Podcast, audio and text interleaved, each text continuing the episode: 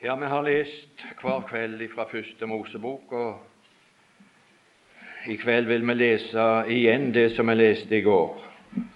Det har vi ikke gjort altså kveldene før. Vi har altså lest et nytt avsnitt for hvert møte, men nå leser vi opp igjen det samme avsnittet som vi leste i går, og det er avsnittet om den femte dag i Første Mosebok. Og vi begynner å lese på det tjuende vers i Jesu navn. Og Gud sa det vrimle av liv i vannet, og fugler flyve over jorden under himmelhvelvingen. Og Gud skapte de store sjødyr og alt levende som rører seg, som det vrimler av i vannet, hvert etter sitt slag, og alle vingede fugler, hvert etter sitt slag. Og Gud så at det var godt. Og Gud velsignet dem og sa, vær fruktbare og bli mange og oppfyll vannet i havet, og fuglene skal bli tallrike på jorden. Og det ble aften, og det ble morgen femte dag.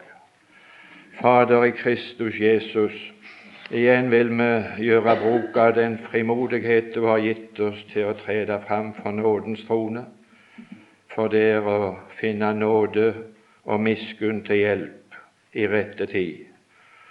Og du kjenner den enkelte av oss, og du kjenner de omgivelser som den enkelte av oss lever i, og det som omgir oss alle. Og vi vil få lov å be om det konkrete at vi kunne finne nåde og miskunn til hjelp i rette tid. Det ber vi om. Amen. Når vi skulle altså ha ti møter, og her altså var det sek, sju dager som vi har å lese om, og så var det to perioder i det første og andre verset som var utenom de sju dagene, så blir det ni. Og så var det da altså ti møter, og da måtte det bli ett møte som vi altså skulle bevilge til å doble opp det som vi skulle bruke kvelden til. Da ble det den femte dag, så jeg har prioritert til å, å få dobbel porsjon. Om du vil være enig i den prioriteringen, det er jeg ikke sikker på. Det kunne være så voldsomt nødvendig å snakke om flere ting i de andre tidsperiodene i forbindelse med det som sto i de andre dagene. Men jeg tror før møtet er slutt, så tror jeg hver eneste en vil være enig i at det er behov fremfor noen gang å prioritere på denne måten at jeg og du blir gjort litt bedre kjente med hva slags tidsperiode som vil komme etterpå den som jeg og du lever i. For jeg er så redd for Jeg er ikke bare redd for det, men jeg vet det og kjenner til at på grunn av manglende kjennskap til denne forskjellen, så er det mange som har unødvendig uro og angst i forbindelse med det som hører til, og vil være rådende i, i den tidshusholdning som vil følge etterpå den seger du lever i. Før vi nå sier noe mer, så vil jeg si noe som har vært til hjelp for meg. Når jeg skulle lære altså geografi, så begynte de ikke å fortelle meg altså om altså noen byer nede i altså Australia, eller noen i detaljer altså rundt omkring i verden. Men det første en fikk altså opplysning om, det var en inndeling av verden i verdensdeler. Så fikk jeg kjennskap til altså at verden var oppdelt i fem verdensdeler. Og når du hadde fått greie på det, så fikk du altså litt mer opplysning etter hvert hva som hørte hjemme i de forskjellige verdensdeler. Eller så kunne en jo rote de sammen med og så tenke jeg at Berlin lå i Amerika. Men så ligger han jo i Europa, og, og, og, og på den samme måten. Og det forholdet som, var, som er slik når det gjelder geografien, hvis jeg og du skal holde styr på hvor, hvor de forskjellige plassene og de forskjellige ting hører hjemme henne, så må vi kjenne til altså ikke bare verdensdeler når det gjelder geografi, men når det gjelder Bibelen, så er det enda mye viktigere for oss å få rede på de forskjellige tidsperioder, og at de forskjellige ting hører hjemme i forskjellige tidsperioder. Og det er altså ikke alt som hører hjemme altså i den tidsperioden som jeg og du lever i. Takk og lov og pris for det, altså.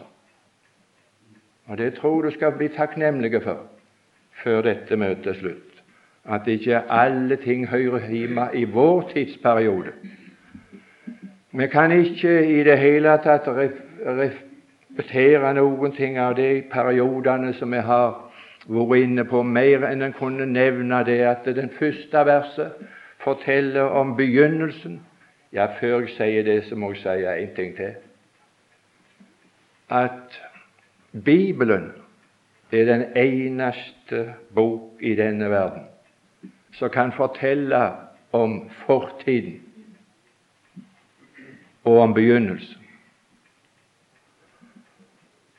Og Grunnen for det, det er at det er Gud som har skrevet denne bok. Og det, Derfor var det ingen mennesker som kunne fortelle oss om hvorledes det begynte, uten det var Gud, for det var ingen som var til stede. Men så har Gud altså inspirert oss, og har vi fått et Guds ord i Bibelen. Og uten Bibelen så er alt bygd på antagelser som gjelder begynnelsen og fortida. Men når Bibelen beskriver historier, så er det ei, historie som har hendt. Det hører fortiden til. Og den uh, beretningen som Bibelen gir oss om fortiden, den er troverdig. Sånn som Bibelen har fortalt det, sånt er altså virkeligheten. Sånn har det skjedd. Men på samme måten som Bibelen kan fortelle oss alt om begynnelsen og fortsettelsen i fortiden, så er Bibelen den eneste boka som kan fortelle oss om framtida. Og Bibelen forteller historier på forhånd før det har skjedd like trygt og like sikkert så det forteller oss om en historie som har skjedd, og så det ikke var noen mennesker som, som kunne nedtegne. Når Moses begynte å skrive, så var det gående over 2000 år ifra Adam var skapt. Og hvor mange milliarder år det var siden skapelsen, ja, det er det ingen som vet. De altså er nokså romslige vitenskapsmenn når de snakker om det der med, med milliarder av år. Noen snakker om tre-fire, noen er oppe i fem, seks, sju, åtte. Det er ikke måte på, altså. Og det er milliarder av år de snakker om. Men altså Adam og disse dagene, det er det bare 6000 år siden. Og det gikk over 2000 år før det begynte å skrives ned. Og folk spør hvorledes kunne Moses kunne skrive, avslutte Mosebøkene om sin egen død og begravelse. Det er ingen folk som kan skrive mens de lever, når de skal dø, og hvorledes det foregår, og om sin egen begravelse. Ja, Hvis han ikke kunne skrive det, så kunne han slett ikke skrive om, om begynnelsen, for det visste han ingenting om. Han hadde jo ikke vært med på skapelsen, og ikke hadde han vært med altså før vannflommen. Men han som drev Moses til skrive, han visste både om hvorledes verden ble skapt, og han visste om hvorledes Moses skulle dø, og hvorledes Moses skulle bli begravd. Og Derfor så kunne han skrive det alt. Du verden for ei troverdig bok. Og Nå er det altså vi har lagt bak oss altså å være opptatt med den fjerde dag, som var, som var en beskrivelse og så svare til den nådens tidshusholdning som vi lever i, og så vil avsluttes. Og når den avsluttes, så er det langt ifra verdens ende, men da begynner det altså den femte dag den begynte etterpå at den fjerde dag var slutt. Og den femte tidsperiode og tidshusholdning den vil altså ta sin begynnelse umiddelbart når nådens dag er slutt. Da begynner den femte dag, og det den svarer til. Og den svarer til den tidsperioden som kommer etter bortrykkelsen, og som vil vedvare like inntil Jesus setter sine føtter på Oljeberget. det som alle de fire evangeliene og Daniels boka kaller for menneskesønnens komme. Menneskesønnens komme det når han kommer til Oljeberget.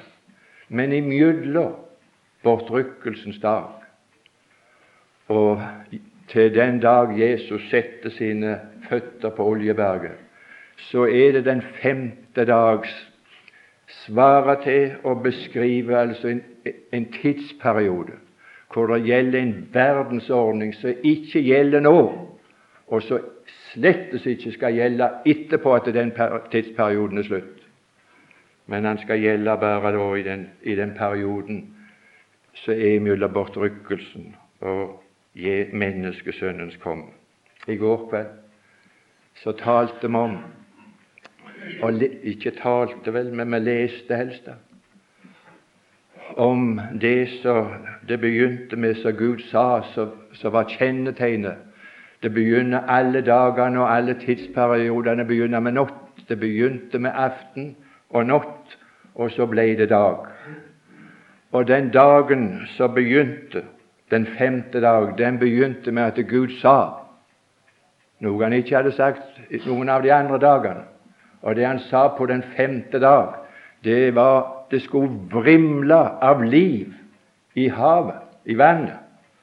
Og vi har altså sett at uh, når det gjelder det som det står for, så er hav og vann Når det er omtalt på denne måten, så har vi lest at det er det vann du så, det er folk og etter og, og, og, og tunger, og det er det hedenske folkehav umiddelbart etter bortrykkelsen så vil det vrimle av liv i alle land i hele verden. Men du gru for et liv!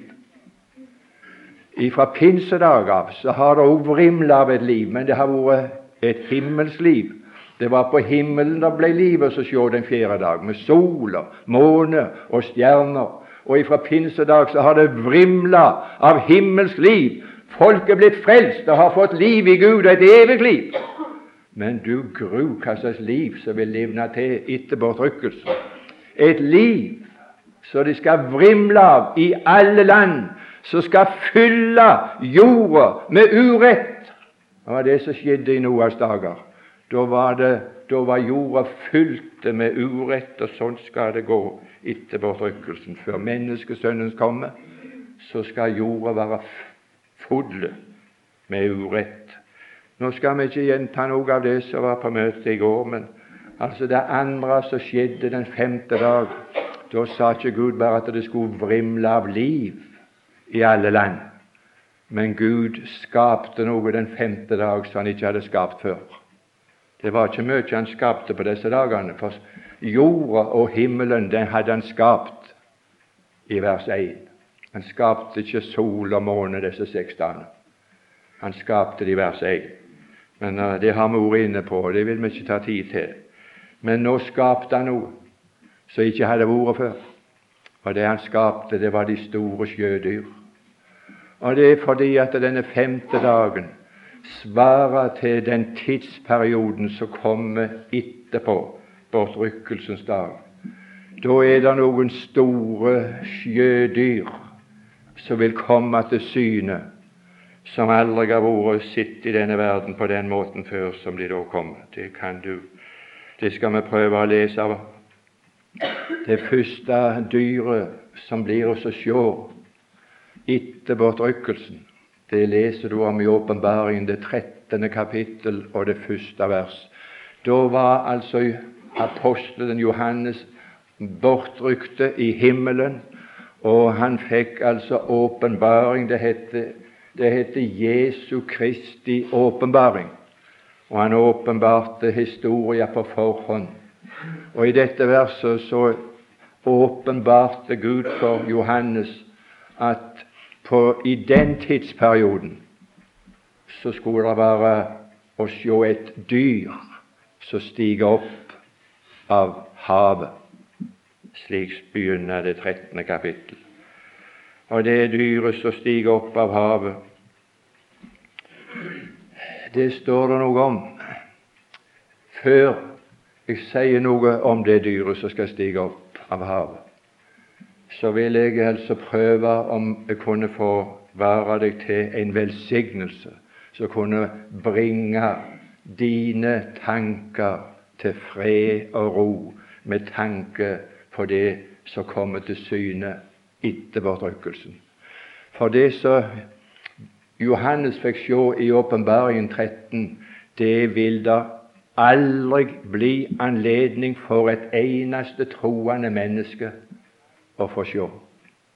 For alle troende mennesker vil på det tidspunktet som de dyre stiger opp av havet i Åpenbaringen 13, de vil, de vil allerede være bortrykte i det fjerde kapittel. I det fjerde kapittel og det første vers så begynner det med ei dør som ble åpna i himmelen, og så blir det snakk om en bortrykkelse. Og den bortrykkelsen som det er snakk om, det er en bortrykkelse av alle som har liv i Gud, og alle som har Den hellige ånd i sitt hjerte. De vil oppleve en bortrykkelse, for de hører til den fjerde dag. Og den fjerde dag slutta altså ikke med mørkna, men han slutta med himmelslys, altså. Før det blir mørkt, før det blir kveld, før det blir trengsel, før det blir noe vondt, i de grader som er, så, så blir alle som hører Herren til og er blitt frelst ifra pinsedag av, de vil bli bortrykte til paradis, til himmelen. Før så sangeren synger at Herren tager sin due bort før en Guds vrede går frem. Og han gjemmer sin skatt bak perleport i Salems velsignede hjem. Ja, det er velsigna. Det er velsigna å være en troende. Men det vi nå leser om, det er det som de kommer til å få se, de som ikke er så salige, som fremdeles er vantro. Og vil de vedvare å være vantro, så vil de komme til å få se det synet av dette dyret som stiger opp. Der står noe om dette dyret i det 17. kapittel og i det 8. vers. Der står om, om det dyret som du så. De vil undre seg, står det, når de ser dyret. For det dyret som stiger opp, det som gjør at de undrer ser det, det er at dette dyret har vært sitt her i denne verden før. Det er et dyr som var og ikke er, og som kommer igjen. Og du gru i denne verden, men da vil de undre seg. Når de ser det dyret stige opp. Jeg vil bare spørre, henge ut altså et, et spørsmålstegn etterpå hvem er det? Hvem er det som er ventende igjen i denne verden? Ja, det er to personer som har forkynt sin gjenkomst. Den Herre Jesus som Guds sønn og, den, og, og vår Herre Jesus Kristus, han sa at 'jeg kommer igjen'. Men han kom allerede i åpenbaringen fire og ifølge første Tessalonikerbrev fire så kommer Herren ned, og så rykker han alle sine hjem. Så den, den, den gjenkomsten av Jesus Kristus, den har allerede funnet sted før denne gjenkomsten av en som er å ligne, som ligner seg med den Herre Jesus. En som kommer igjen, som har vært her før. Hvem kan det være? Ja, her står noe om denne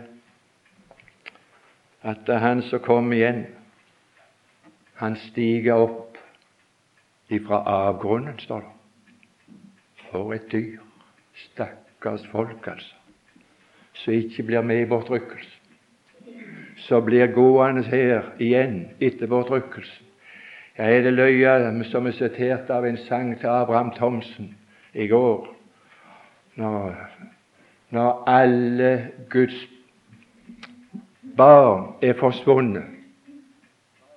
Jeg hørte en jammer så stor. Ja, det blir mørkt i denne verden når alt himmellys er vekke. Og det, det som de får til erstatning for himmellys, og det som har vært fra himmelen, som skinner og stråler og varmer og lyser for folk, så skal det komme opp et dyr ifra avgrunnen. Og den som stiger opp ifra avgrunnen, han har altså vært her før. Og den som har vært her før og foret ned til avgrunnen, og som da kommer opp igjen Det er ikke så mange som Bibelen forteller om, som har foret ned i avgrunnen, og som vil komme opp igjen til denne verden og komme tilbake. Jeg kjenner iallfall ikke til mange. Jeg kjenner bare til én. Jeg kjenner til at Jesus sa at han skulle komme igjen. Og så kjenner jeg til én til. Og det er en som gir seg ut for å være en Kristus. En som gir seg ut for å være en antikrist. Og så kommer han igjen på samme måten som Jesus kom igjen. Så kommer antikristen igjen. Han har vært her før. Og så kommer han igjen. I Johannes evangeliet, det sjette kapittel og det 70. vers, så sa Jesus at 'jeg har utvalgt dere tolv apostler'. Og når jeg utvalgte dere, så var det en av de tolv som jeg utvalgte, som er en djevel. Han var ikke blitt en djevel, men den ene av de tolv apostlene, han er en djevel. Han kom nemlig ifra avgrunnen før.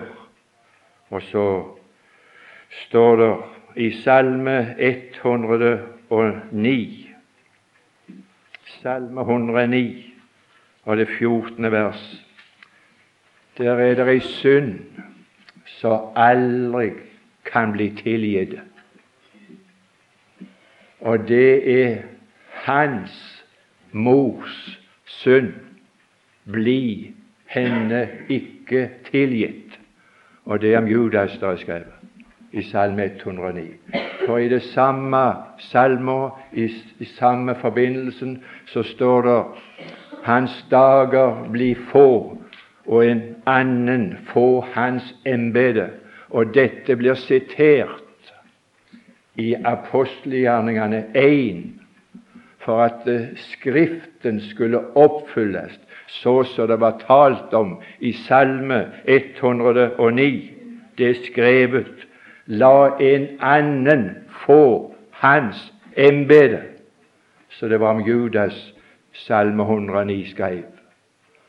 Og det var, det var om hans mor som hadde gjort seg skyldig i ei synd. Når Jesus kom til denne verden, så kom han til denne verden og ble inkarnert Gud i et menneske. Og når Judas kom til denne verden, så kom han til verden som en djevel. Derfor er hans mors synd utilgivelig, så stilte seg disponibel og, og inkarnere en djevel i denne verden, en antikrist. Det er det som Bibelen forteller. Og vet du hva det står i det siste verset i apostelgjerninga 1?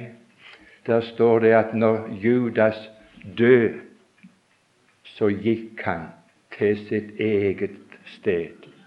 Nå har Bibelen aldri sagt at når et menneske dør, uansett hva de måtte ha gjort, uansett hva de, hadde, hva de har forrådt, så er det aldri ett eneste menneske Når de dør, så er det aldri en eneste ufrelste synder som dør og går fortapt og går til sitt eget sted.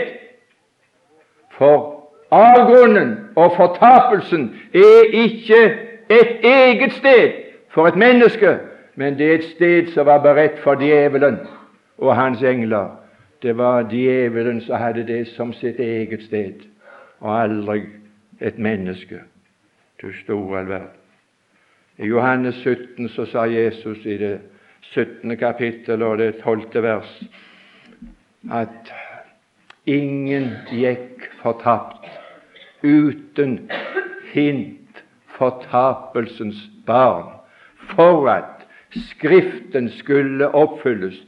Jeg skal fortelle deg det, altså uansett hva slags menneske det er, så er det ingen som går fortapt for at Skriften skal oppfylles av mennesker. Aldri ett menneske må gå fortapt fordi at Skriften har sagt at de må fortapes. Men det var noe som Skriften hadde sagt, og det var at Han som kom ifra avgrunnen han hadde Skriften sagt at han skulle fortapes. For at Skriften skulle oppfylles, så gikk han til sitt eget sted. Jeg er ikke i stand til å si så mye mer om det, men du gruer du skrekker denne verden. For en tidsperiode når denne personen stiger opp igjen ifra avgrunnen. Ja, det vil jeg si, altså det Der står noe mer. Der står noe mye mer.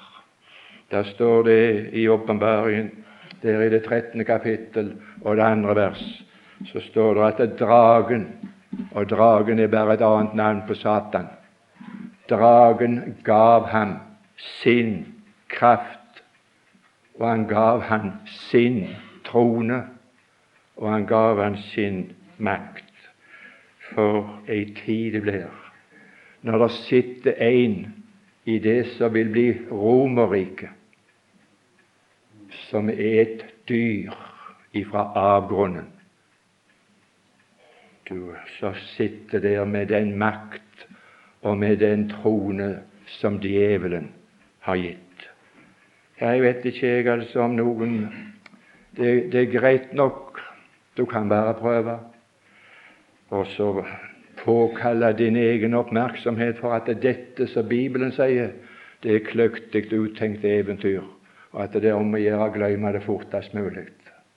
Men jeg kan bare fortelle deg at det er ennå aldri noen som har klart å bortforklare en eneste tøddel av det som står i Guds ord.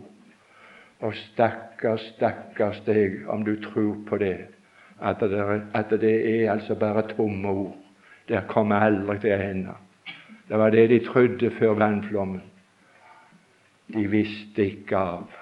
Jo visst visste de av. Det var en som hadde fortalt dem det. Men de trodde ikke. Derfor visste de ikke av. Og hvis du får, hvis du får tillit til dette Guds ord, så får du det travelt med å bli frelst. Det skal jeg love deg for. Du kommer til å fly til den fristaden skjønne mens du ennå har kjangs. For det kan være slutt tid som helst med nådens husholdning så bryter det fram en ny tidsperiode med sånne uhyggelige perspektiv. Ja, ja. Det som er det forferdelige med dette her, at han var altså en forfører ifra avgrunnen, en, en Kristus, men som er en antikrist. Han står der, han skal forføre alle rundt omkring i hele denne verden, denne personen og han vil være bærer av, står det.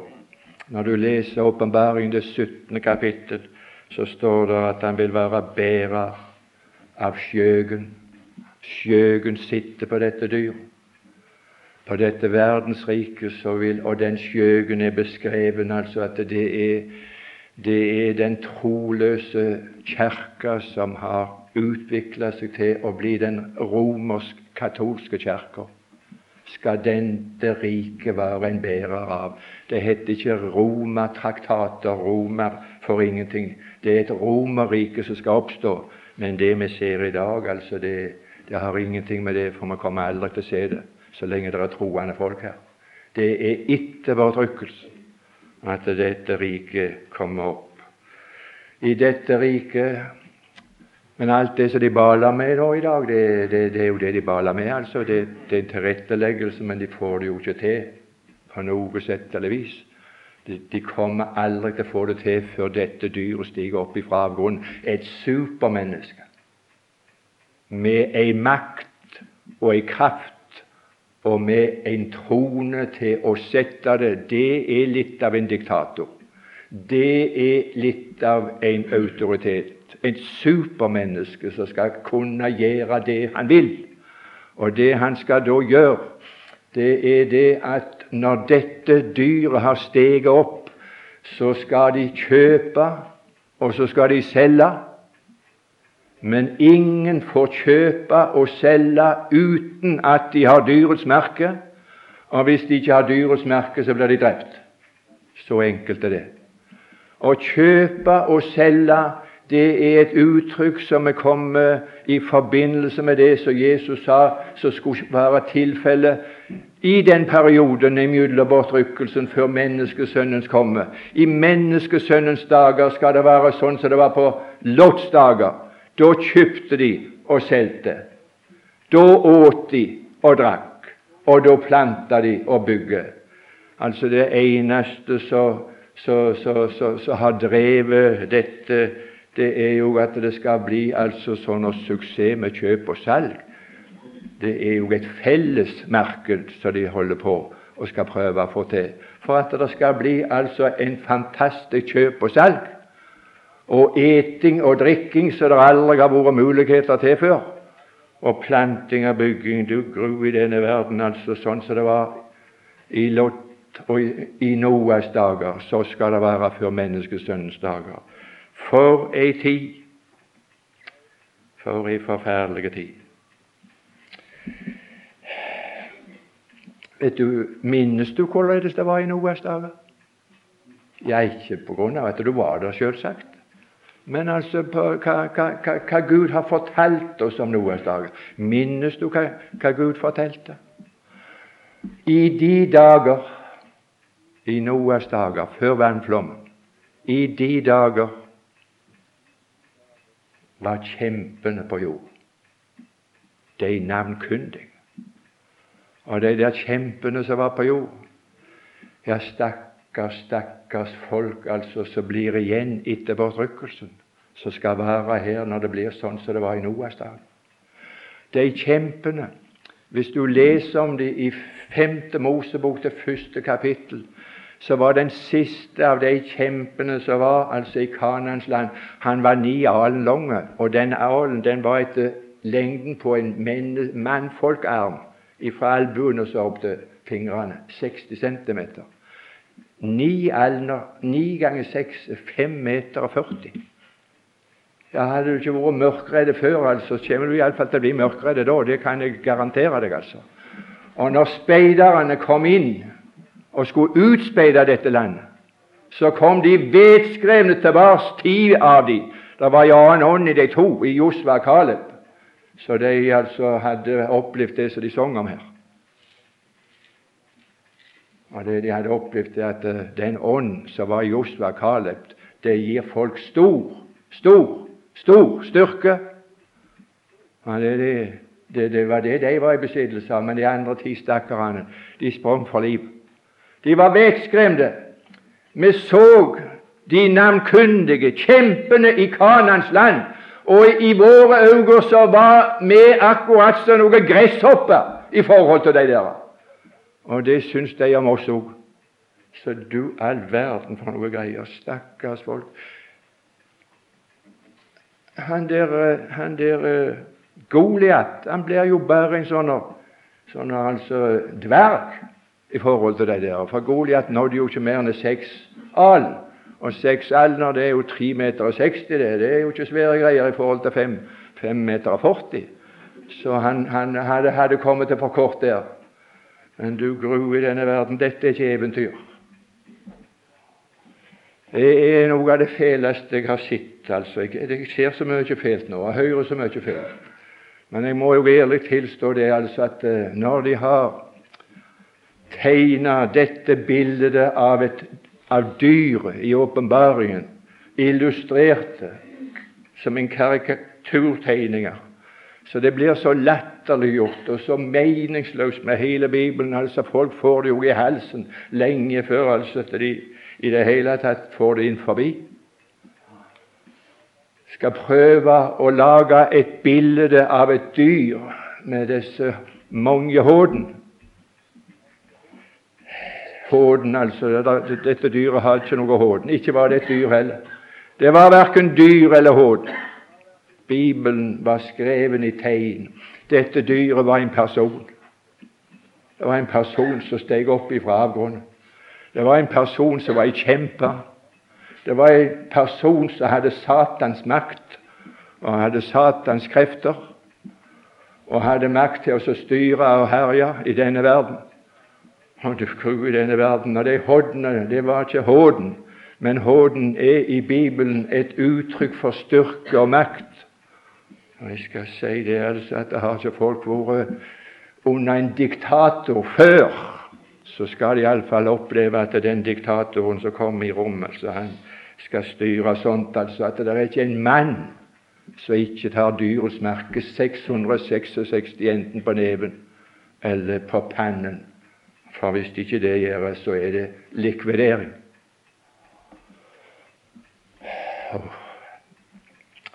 Jeg vil si det altså, at alt det som her tales til oss i denne vidunderlige tidsperiode vi lever i, i nådens husholdning Når du får det satt opp imot det som vil skje i den tidsperiode som kan komme, som kan begynne før du når hjem i kveld Jeg minnes når fra vekkelsen på Åkra, altså Langera-fjellet.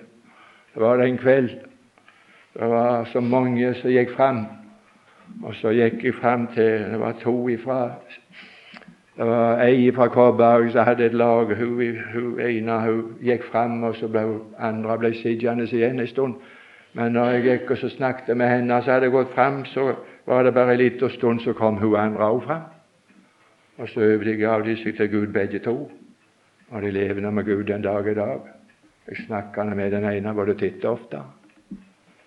Men det som var det underlige, det var hun der som hadde bare hadde blitt spurt om du kunne være gild og henne på møtet, for, for hun ville på møte på. Jeg kan skjønne det, jeg skal kjøre deg, jeg, sa hun. Jeg skal være med deg. Det gjør ikke meg noe å gå på møte, sa hun, men jeg er ikke interessert. Men jeg skal følge deg. Men da hadde du ikke regna med at det var krefter i sving. Og når, når, når denne venninnen som hun fulgte på møtet, gikk fram og overga seg til Gud, så var det ikke lenge før hun kom opp, og så sa hun og Jeg minnes det, og kommer aldri til å glemme det. Så sa hun det altså at jeg våga ikke kjøre hjem til Kårberg. Jeg sa. Det er ikke sikkert vi når fram til Kårberg. Og hvis jeg skulle være ufrelst når jeg skulle kjøre hjem, og Jesus kom igjen, for det var det det var forkynt, ja, da, da, da går det galt. Så jeg må bli frelst i kveld, så at jeg kan kjøre hjem med, med, med god puls. Det er ikke spøk når du får tillit til Guds ord. Det er ikke spøk. Jeg sto i en møte, et bibelkurs i Ulsteinvik for flere år siden. Det var en påskekveld, og det var sprengfullt i kirka. Hadde vært på møte kvelden før, så hadde vi vært i bedehuset, og de hadde overgitt seg til Gud ja, i det uendelige utover hele natta. De hadde kommet, vi kom mest ikke hjem. Og så var det når møtet var slutt på søndagskveld, påskedagskveld, så sto han som jeg var i sammen med, han sto der i, i koren, og så så han nedover folket når de gikk ut. Den kvelden var det ingen som stoppet igjen med det samme.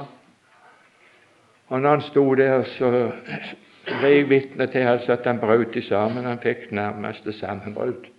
Han hulkegråt, og det var fælt.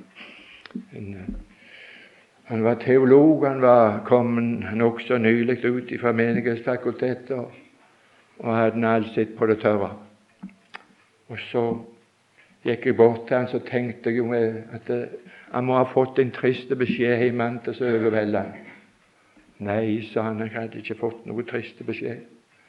Men det var noe som gikk opp for meg i all sin gru. Det er én ting å gi seg ut og bekjenne for at jeg tror på Bibelen og det Bibelen sier. Men det er noe ganske annet det går opp for meg. Når det går opp for hva Bibelen forteller, hvordan det går med folk som ikke lar seg frelse mens det er nådens dag. Så fikk han sammenbrudd for åpen scene fordi det gikk opp for han. Og det ville du òg få hvis det gikk opp for deg så ville du bryte i hop så folk brøt i hop i gamle dager. Når dette gikk opp for folk at de var fortapte, Så skal jeg si at du slapp å be dem om og trygle dem om å søke frelse. De ropte, de brøt av møtene. Jeg minnes jeg var på Flekkerøy. Han nettopp begynte, jeg hadde vel ikke preikt i fem minutter. Så var det en på galleriet som brøt av. 'Du må stoppe', sa han. 'Jeg må bli frelst nå.' 'Jeg kan ikke vente til det møtet er slutt.' Da gjelder det livet. Og jeg kan ikke begripe noe annet enn at hvis du får tillit til Guds ord, gjør deg kjente med det, så har du altså et uttrykk i Bibelen i Salme 19, og det åttende vers. Du finner det ikke på norsk, men de fleste som leser Bibelen, de leser Bibelen på engelsk i verden. Og de har den fordelen at når de leser Bibelen på engelsk, i Salme 19, det åttende vers, så står det at Bibelen, Guds ord, det er fullkomment. Og det er greit. Men altså, når en ting som er fullkommen, så er sandru og troverdig, så står det at det har en kraft. Det omvender sjelen. Det driver mennesker til omvendelse. Det er ikke et menneske som kan komme til sannhetserkjennelse av at Bibelen snakker sant, uten at den sannheten driver deg til omvendelse. Du vil fly fra den kommende vrede. Men det er enkelte som sover når han ikke ser det og ikke tenker på det. Jeg skal bare nevne det er en fortsettelse. Jeg skal ikke nevne noe om det, for det er ikke verken tid eller anledning til det. Et annet dyr, bare vel jeg nevne, som stiger opp av havet i øst, og det er det som er omtalt i profeten Esekiel, det 38. kapittel. Jeg skal ikke skildre noe. Det er, det er en som har fått benevnelsen Gog, og han er fyrsten i Magogs land. Og han er altså, står der, kyndig i vonde råd. Du i denne verden. Da skal det være kyndighet i vondskap. Jeg syns at det blir en forferdelig nå, jeg, altså. Det, det, det, det, skulle jo være en kyndighet i vondskap som måtte være nådd. Så araberne har vært opptatt med ifra før de var fødte, og det slåss med sin bror Jakob.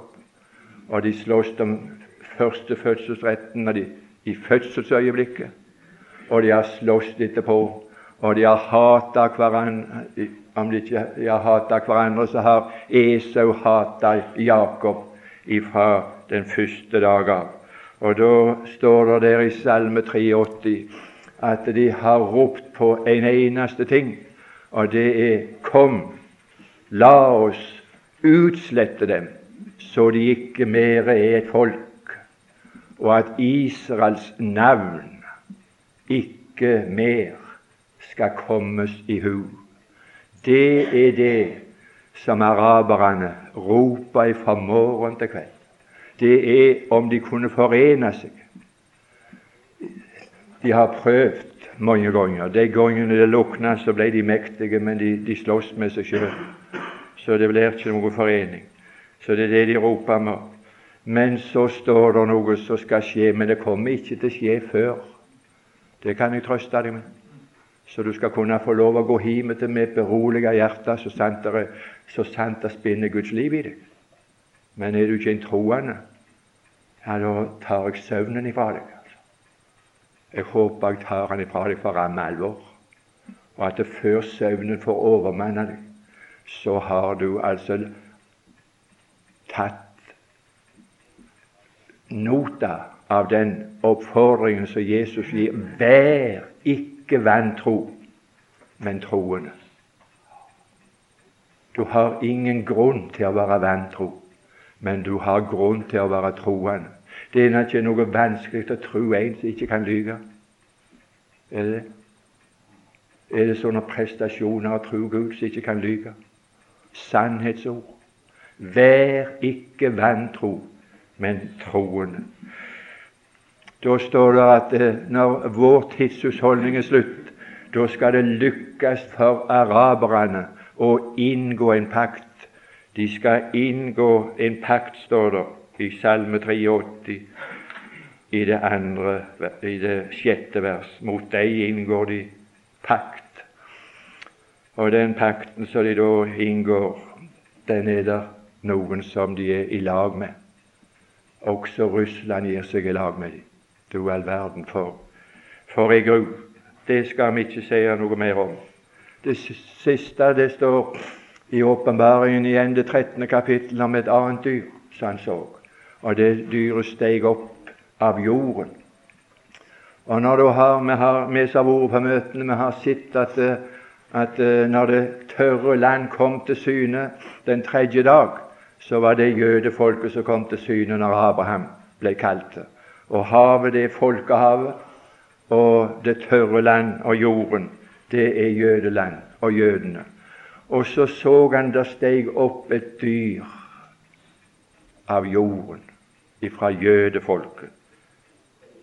Og dette dyret som en ser stige opp av jorden, av jødelandet og av jødefolket, en, en jøde som stiger opp av jødefolket, han var like, står det. Hvem var han like? Han var like et lam. Og han var så lik et lam at han hadde to horn og det var eneste hodna du kunne se forskjell på. For Jesus han hadde sju hodn, og hodn hadde de ikke noen av dem. Men altså hodna betyr altså styrke. Han så et lam som stiger opp, som har altså styrke for to horn. Men når Kristus viste seg som seierherren, som kunne åpne boka og bryte seglene, så så han et lam som hadde sju horn. Fullkommen styrke. Som har makt både over djevel og dyr og, og ondskapens ånde her og alt. Men djevelen har en fortapelsens sønn som stiger opp i Israel, i jødeland, og skal forføre dem. Og han er altså like et lam han er en Kristus, men han er en antikrist. Men han klarer å lure dem. Han klarer å forføre dem. Forferdelig. Han skal ha framgang. Og Nå skal du høre, jeg skal ikke si noe mer om det, men i den Daniel, det ellevte kapittel, og det er det fra det 36. vers og ut, men i det 39. vers der står det en beskrivelse av Antikrist.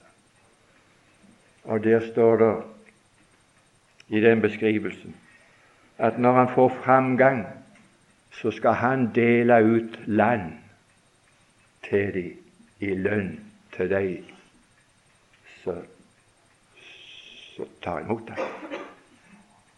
Da skal Israel få mer land. De får mindre land nå, men da skal de få mer land. I dag satt og hørte nå, altså de var veldig skuffa. Verden så skuffa de var altså i Utenriksdepartementet. For det er altså at forhandlingene med Arafat de, altså, de måtte brytes av i dag uten resultat, og så skulle de fortsette i morgen kveld. Men altså utsikten om denne freden, altså den, den så altså i, ut og henger i en tynne tråd. Men eh, det kommer altså den tidsperioden hvor de skal si fred og ingen fare når de har altså blitt lurte av denne antikrist. Nå skal du høre hva det står i profeten Esaias det 28. kapittel, det som de holder på med nå, gang etter gang. Det er Esaias 28, 15. vers. Det er det Israel. De er så trengte, de er så trøtte av ufred. De er så trøtte av altså disse nålestikkene og disse drapene til stadighet uavlatelig så blir de myrda, drepte, på begge sider. Så står det altså i sitt press og i sin lengd Jeg leste Golda Meirs i bok, altså, hun som var statsminister i Israel. Hun sa det altså at det som jødene har hatt som et brennende ønske helt siden vi fikk vår egen stat i 48.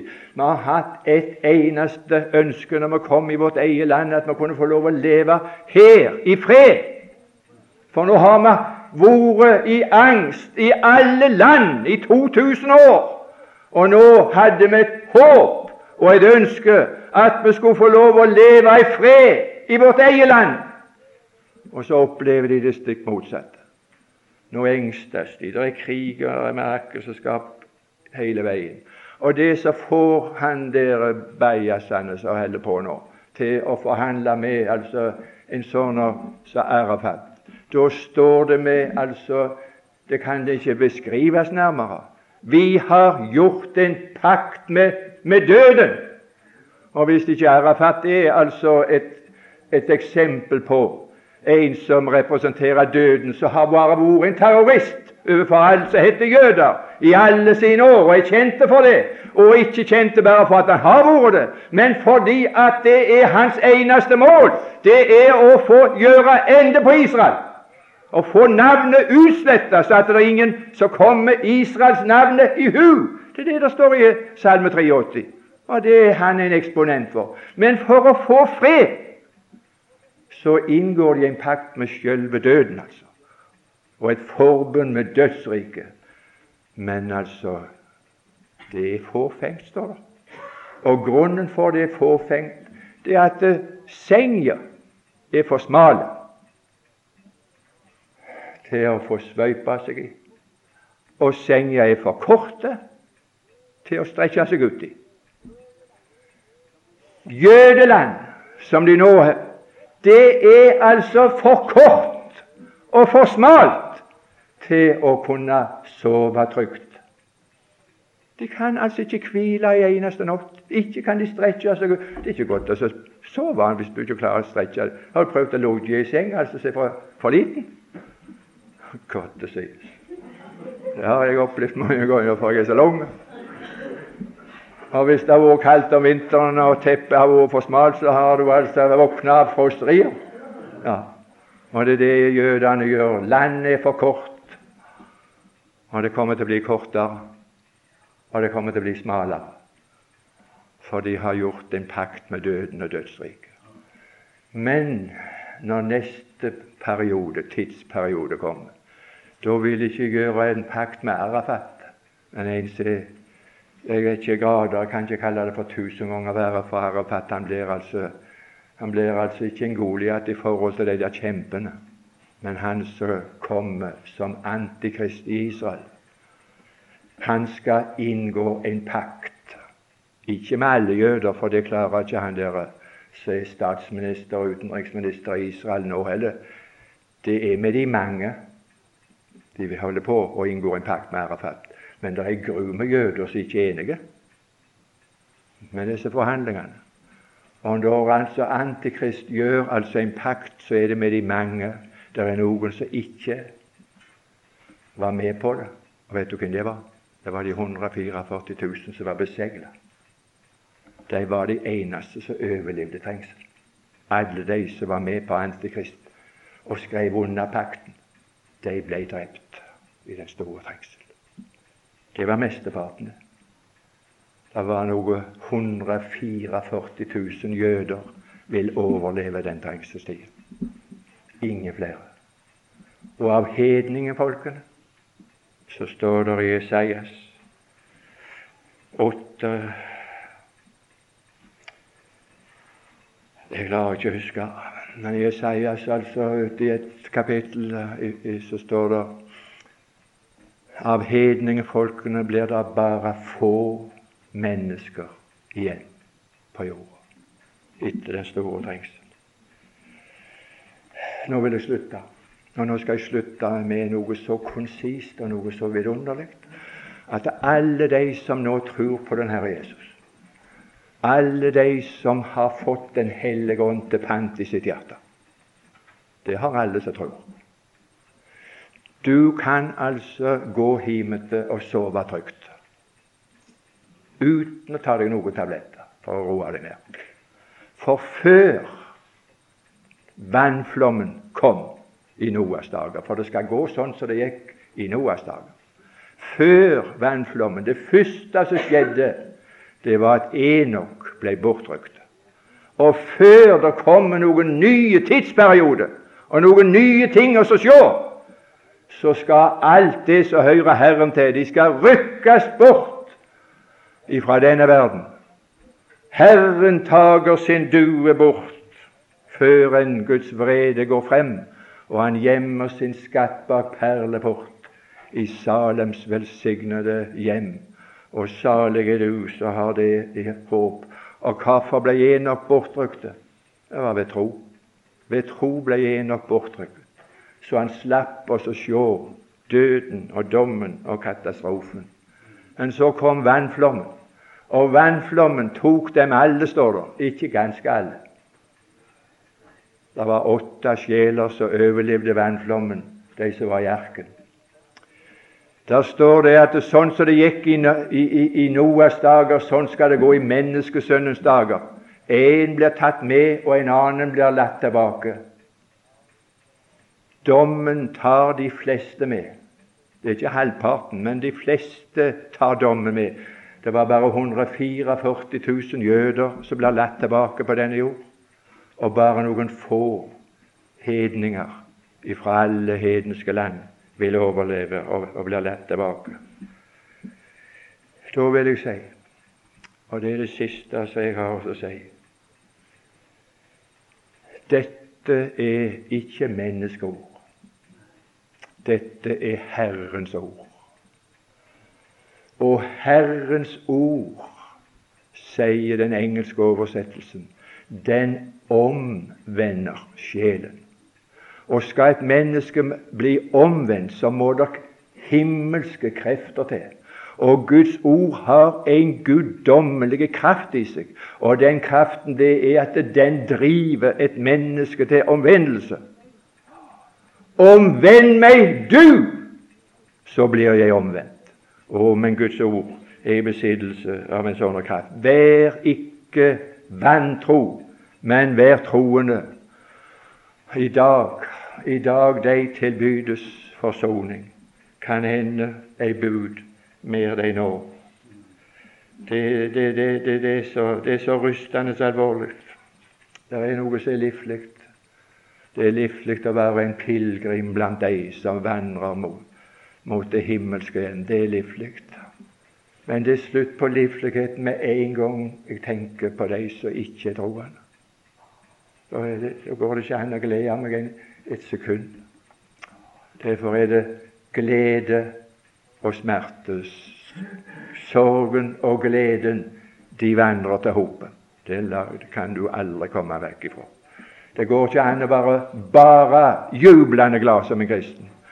Men er du jublende glad for at du sjøl er frelst, så har du det fryktelig vondt med tanke på deg som ikke er frelst. Måtte det luknes for Den hellige ånd og Guds ord å drive noen til omvendelse også i dag. Amen.